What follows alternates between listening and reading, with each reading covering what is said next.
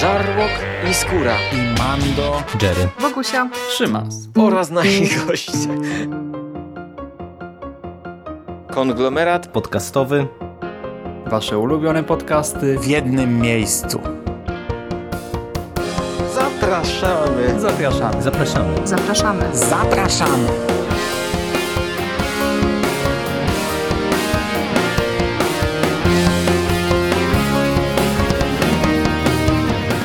Witam w konglomeracie podcastowym, czyli na platformie, która zbiera wszystkie wasze ulubione podcasty w jednym miejscu.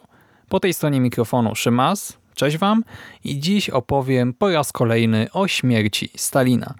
Mówię po raz kolejny, bo jakiś czas temu omawiałem dla was film, Dziś zaś trzymam w dłoni polskie wydanie komiksu.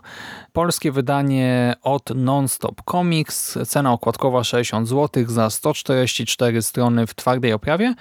W formacie większym od standardowego. Ten tradycyjny to jest chyba 17 na 26 a tutaj mamy 24 na 32 więc sporo większy.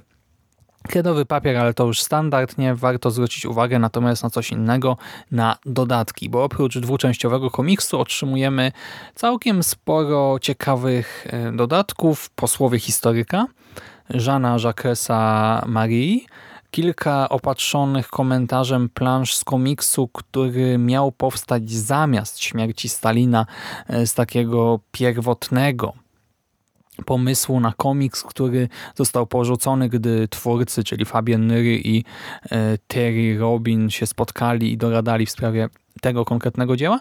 Dostajemy też 12 stron pełnych szkiców i innych ciekawostek, tak więc samo wydanie wizualnie prezentuje się bardzo dobrze, zresztą ta czerwona okładka z tym postawnym, dostojnym, wielkim towarzyszem Stalinem też wygląda nieźle, więc samo wydanie jest naprawdę w porządku. Nie, nawet jest lepsze niż w porządku. Powiedzmy, że zasłużyło na Order Gwiazdy Czerwonej, a jak jest zawartością, która poprzedza te dodatki, no już wam mówię. Za komiks odpowiadają Nyry i Robin.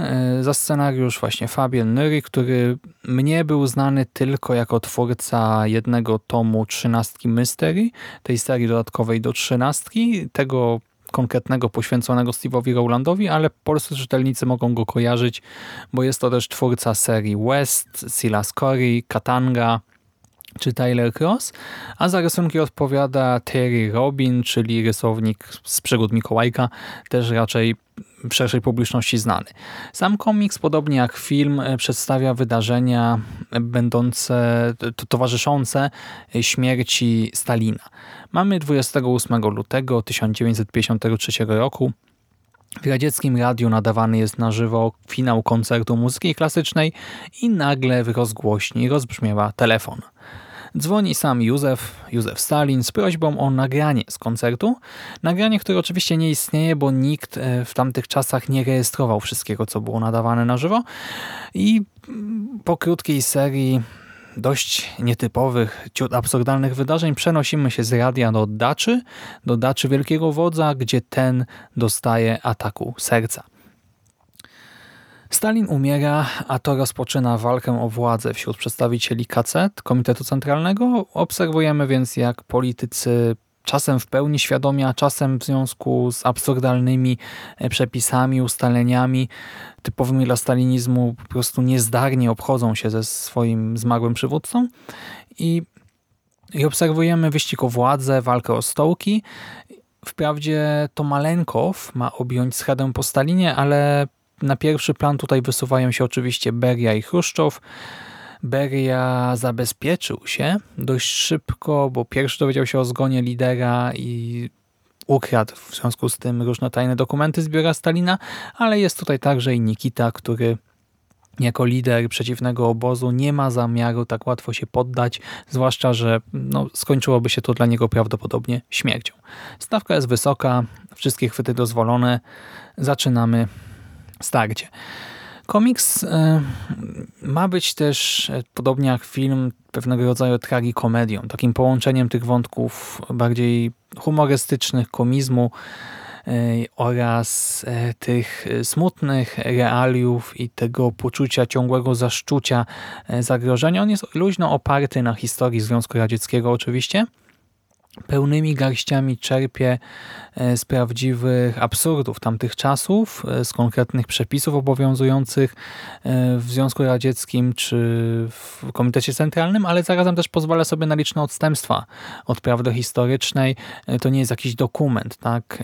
Nie wiem, mamy czasami pomieszaną chronologię wydarzeń, czy bohaterowie są przemieszczeni gdzieś, jeżeli tego wymaga po prostu wizja scenarzysty, więc nie ma co tego traktować jako prawdę historyczną, a jedynie no, zwrócenie naszej uwagi na te właśnie dziwaczne i przerażające zarazem, e, chociaż też trochę zabawne w tej dziwaczności realia.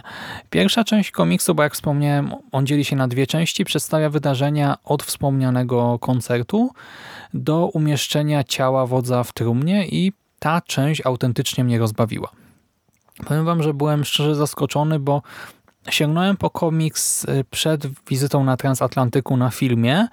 Y, poprzedniego wieczora po prostu na szybko chciałem go przeczytać. Pomyślałem sobie, kurczę, zobaczę najpierw pierwowzór, a potem dopiero adaptację, ale nie byłem jakoś szczególnie mocno przekonany. Czytałem pozytywne opinie, czy nie całe opinie, żeby sobie nie zaspoilować niczego, ale e, słyszałem, że jest to raczej ciekawe dziełko, przy czym, no wiecie, ja nie czytam komiksów historycznych raczej, komediowych też niekoniecznie y, za wiele. Poza tym, nie wiem, Giant Days czy Deadpoolem, jeżeli można to pod to podciągnąć.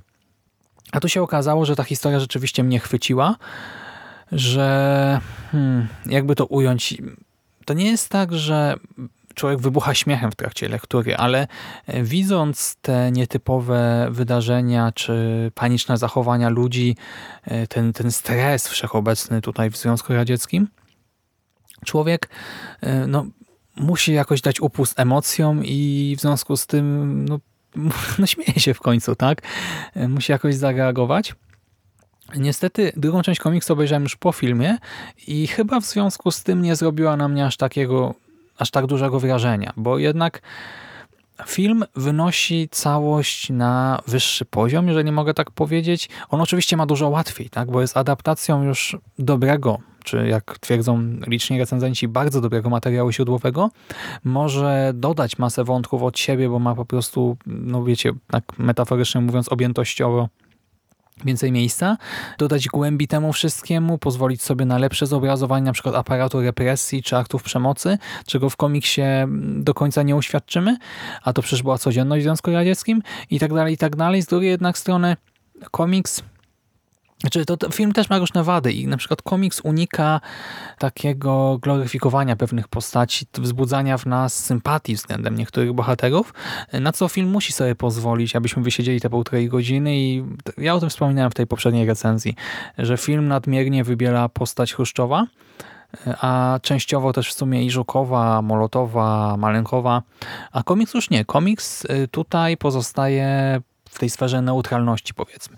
I no to trzeba docenić. Sama oprawa graficzna jest dopasowana do treści. Ona idealnie się wpisuje w konwencję, bo e, to nie jest stricte mroczna opowieść o strasznych czasach, więc nie użymy tu takich rysunków, a bardziej karykaturalny świat, troszkę jak z kreskówki dla dorosłych. Najbardziej ponure są chyba barwy, które zostały trochę przytłumione. Mamy sporo właśnie brązów, czerwieni, ciemnych barw, e, chłodnych barw. E, wizerunki Komitetu Centralnego, członków Komitetu Centralnego też y, mogą być trochę deprymujące, ale i zabawne zarazem, bo są wzorowane na postaciach historycznych, ale jednocześnie zostały odpowiednio zniekształcone, tak by się od siebie odróżniały, by zapadały jakoś tam w pamięć i też zostały no, wynaturzone odrobinę. Ci ludzie, znaczy ludzie, właśnie członkowie Komitetu Centralnego y, są niby ludzcy, ale zarazem też troszkę zwierzęcy, infernalni. Y, nie, nie do przesady, tak nie jakoś mocno, ale no trudno z nimi sympatyzować, jak, tak, jak, się tak na nich patrzy. I w sumie nie mam wam wiele więcej do powiedzenia. Śmierć Stalina to ciekawa opowieść o otoczeniu jednego z najstraszniejszych, a więc i najistotniejszych przez to ludzi XX wieku, to obraz stalinizmu z jego różnymi patologiami i zarazem całkiem celna satyra polityczna uderzająca w te radzieckie elity. Ja to muszę podkreślić, że to nie jest tak, że tutaj wyśmiewamy się z całego narodu, czy czegoś takiego, tylko raczej no, z tych osób odpowiedzialnych za te wspomniane absurdy.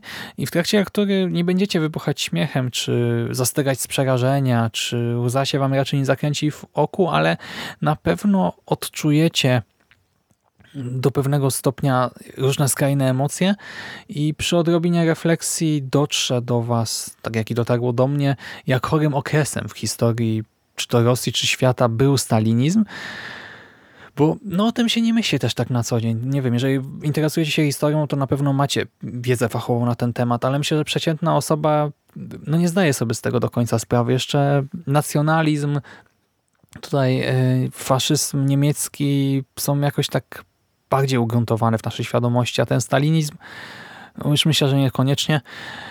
Dlatego polecam. W gruncie rzeczy oba warianty tej historii, i film, i komiks, przy czym radzę zapoznać się najpierw z komiksem, najpierw z oryginałem, a dopiero potem sięgnąć po ekranizację, bo w przeciwnym wypadku komiks dużo straci w waszych oczach, e, czy wręcz jeżeli będziecie zaraz po seansie, może wam się wydać nudny, nijaki, tak zbyt okrojony e, względem filmu, ale serio, polecam. I cieszy mnie to, że Nonstop Comics sięga po takie mniej oczywiste publikacje. Dla mnie to było spore zaskoczenie, gdy komiks pojawił się w katalogu. Ok, wiadomo, był film też, no ale jednak no to nadal bardzo miła niespodzianka i oby tak dalej. Nonstop Comics, róbcie tak dalej. Dobra, to wszystko ode mnie na dzisiaj. Trzymajcie się ciepło, kochani. Miłego dnia. Do usłyszenia następnym razem. Cześć.